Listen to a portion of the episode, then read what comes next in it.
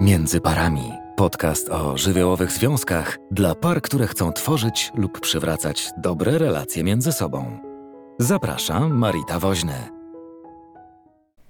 Cześć, witam Cię w kolejnym odcinku podcastu Żywiołowe Związki. Dzisiaj od razu chcę Ci zadać pytanie. Nie wiem, czy znasz e, tę piosenkę z filmu Król Lew. To jeden z filmów, które z przyjemnością obejrzałam, a piosenka tytułowa co jakiś czas pojawia się w moich myślach. U wielu z nas, już od narodzin, otoczonych miłością i troską rodziców, faktycznie jest tak, że z każdym dniem nowy spełnia się sen, z każdym snem życie nabiera barw. Niestety są też rodziny, w których to nie działa tak dobrze, a zamiast snów coraz częściej pojawiają się koszmary. Franek miał 7 lat, chciał zrobić mamie urodzinową niespodziankę, zerwał specjalnie dla niej kwiatki na łące, położył je na stole. Czekając, aż mama wróci z pracy, zaczął bawić się z innymi dziećmi i wieczorem, kiedy e, wrócił do domu, przypomniał sobie o urodzinach mamy.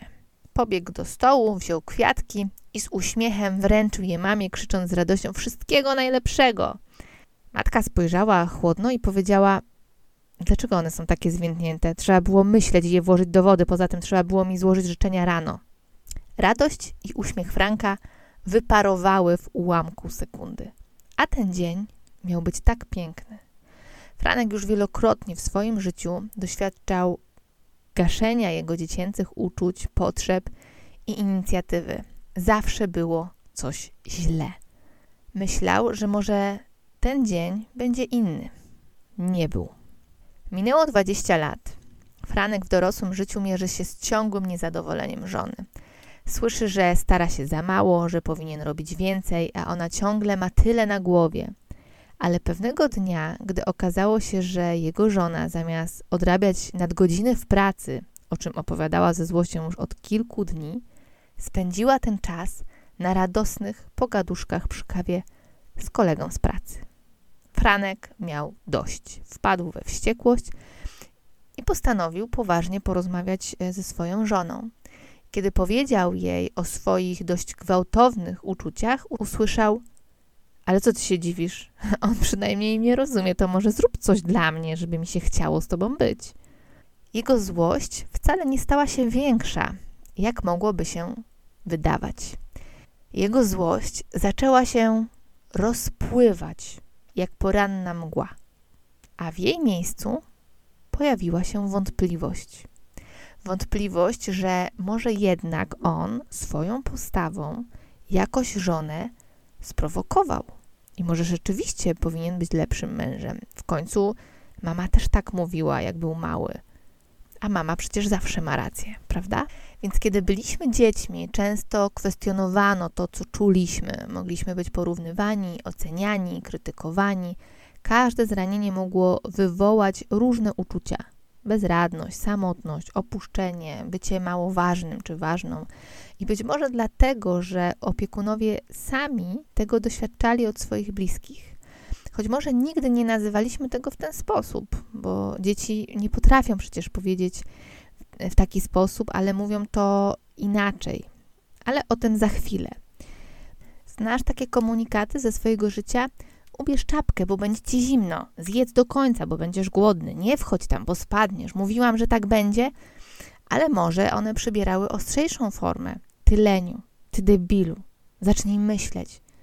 Nic nie potrafisz zrobić. Zobacz, jaki ten chłopiec jest grzeczny. A ty?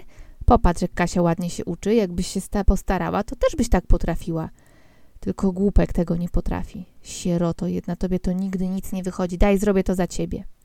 Echo przeszłości wpływa na nas. Te zdania przyklejają się do nas i z czasem stają się takimi zdaniami, które sami sobie mówimy. Jako dzieci słyszymy je, a potem jako dorośli mówimy na przykład: Jestem głupia, co za idiotka ze mnie, jestem beznadziejny, tchórz ze mnie, do niczego się nie nadaje, nic mi nie wychodzi, muszę się bardziej postarać, nienawidzę się, jestem bezwartościowy, nieudacznik. Ile razy zdarzyło ci się pomyśleć w ten sposób albo zbliżony? I co się dzieje, kiedy twój partner lub partnerka mówi: Nie masz racji, nie powinnaś tak czuć, kiedy ty mówisz wprost o swoich uczuciach. Albo, yy, ale ty mnie znowu krytykujesz, kiedy chcesz powiedzieć, że coś cię zabolało, aby nie trzymać dłużej urazy. E, innym razem słyszysz, nigdy nie może być normalnie, znowu się czepiasz, gdy próbujesz nakreślić problem, który Twoim zdaniem pcha wasz związek w przepaść. Odpuść. Lepiej nie idź do szefa po podwyżkę, bo może mu się to nie spodoba jeszcze cię zwolni, kiedy ty czujesz, że zasługujesz na tą premię. Może i była dla ciebie nieco złośliwa, ale na tej imprezie, no ale wiesz, to, to że ona tak ma, no to, no to tak ma, to trudno, to czym ty się w ogóle przejmujesz? Kiedy ty czujesz, że to było mocno naruszające ciebie. Kiedy sam masz wątpliwość, łatwo zarażasz się wątpliwościami innych. Przyjmujesz ich lęk. Kiedy sam nie wiesz, czy to, co czujesz, jest ważne, łatwo ci uwierzyć, gdy ktoś twierdzi, że czujesz inaczej. Zaprzeczasz swoim uczuciom. Podążając za powinnościami, starając się zadowolić innych, stajemy się przezroczyści.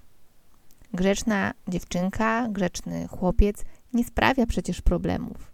Nie mówi, że coś jest nie tak, nie skarży się, nie robi afer, nie wywołuje kłótni. Grzeczna dziewczynka, grzeczny chłopiec zachowuje się poprawnie, tak jak powinien, powinna. Słowa i teksty, które słyszeliśmy wtedy, są z nami do dzisiaj. Słowa i teksty, które słyszeliśmy wtedy, zostają z nami i nie tylko z nami. Zostają z naszymi dziećmi, zostają w naszym związku. Mówimy tak do naszych partnerów, partnerek, czasem dzieci.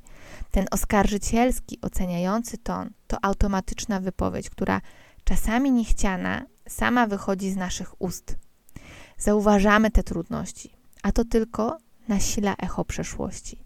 Nie jesteśmy głupi. Rozumiemy, że tak się nie powinno. Całe życie uczono nas, jak powinno być. Wstydząc się, wymagamy od siebie więcej i więcej. Więcej tego, by lepiej się dopasować. Zamiast więcej tego, aby to echo zatrzymać, aby w dzisiejszym związku się już na to nie zgadzać. Przestań więc bagatelizować swoje emocje i zacznij swobodnie wyrażać to, co czujesz, nie tylko w związku.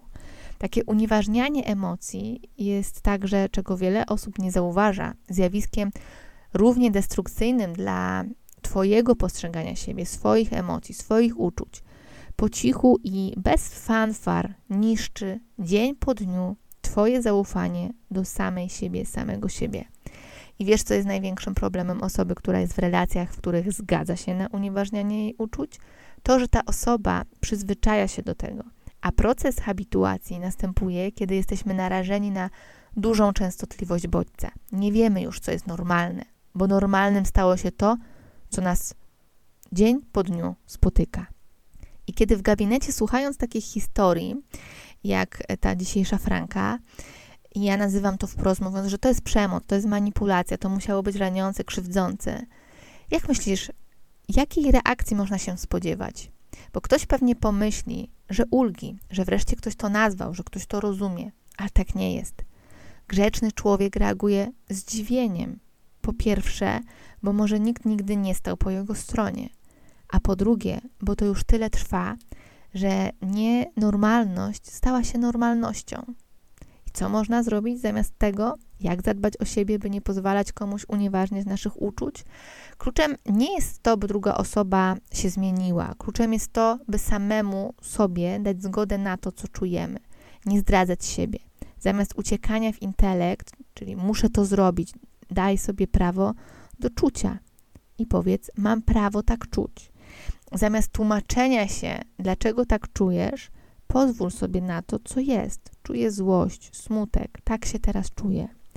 Zamiast chronienia kogoś, bo ktoś się źle poczuł, uznaj uczucia drugiej osoby. Powiedz na przykład: Widzę, że cię to poruszyło, ale nie zmieniaj ich, nie wycofuj się z tego, co w tobie. Zamiast racjonalizowania, jej będzie przykro, oddaj drugiej osobie odpowiedzialność za to, co czuje. Twoje uczucia są Twoje, uczucia drugiego człowieka są jego. To bardzo proste. Jeśli potrzebujesz więcej wskazówek, aby czuć się ważny w relacji, ważna, dawać sobie prawo do tego, co w tobie, przestać być właśnie tą, tym grzecznym dzieckiem. Zapraszam Cię do webinaru o unieważnianiu uczuć.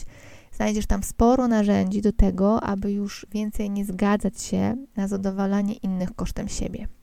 Dzisiaj opowiedziałam Ci o takich źródłach e, unieważniania emocji, skąd to się bierze, jak to się zmienia w czasie, jak to na nas wpływa, jak to wpływa też na relacje.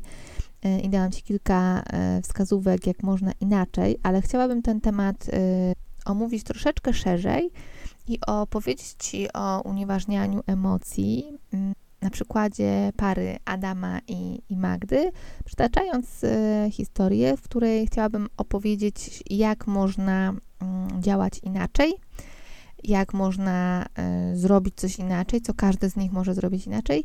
I o tym opowiem Ci w kolejnym e, odcinku. Link do niego znajdziesz w opisie tego filmu i już dziś Cię do tego zapraszam. Do usłyszenia. Jeśli chcesz posłuchać innych odcinków na temat psychologii związków, zajrzyj na międzyparami.pl. Jeśli masz propozycję tematu na kolejny podcast, wyślij wiadomość przez formularz na stronie.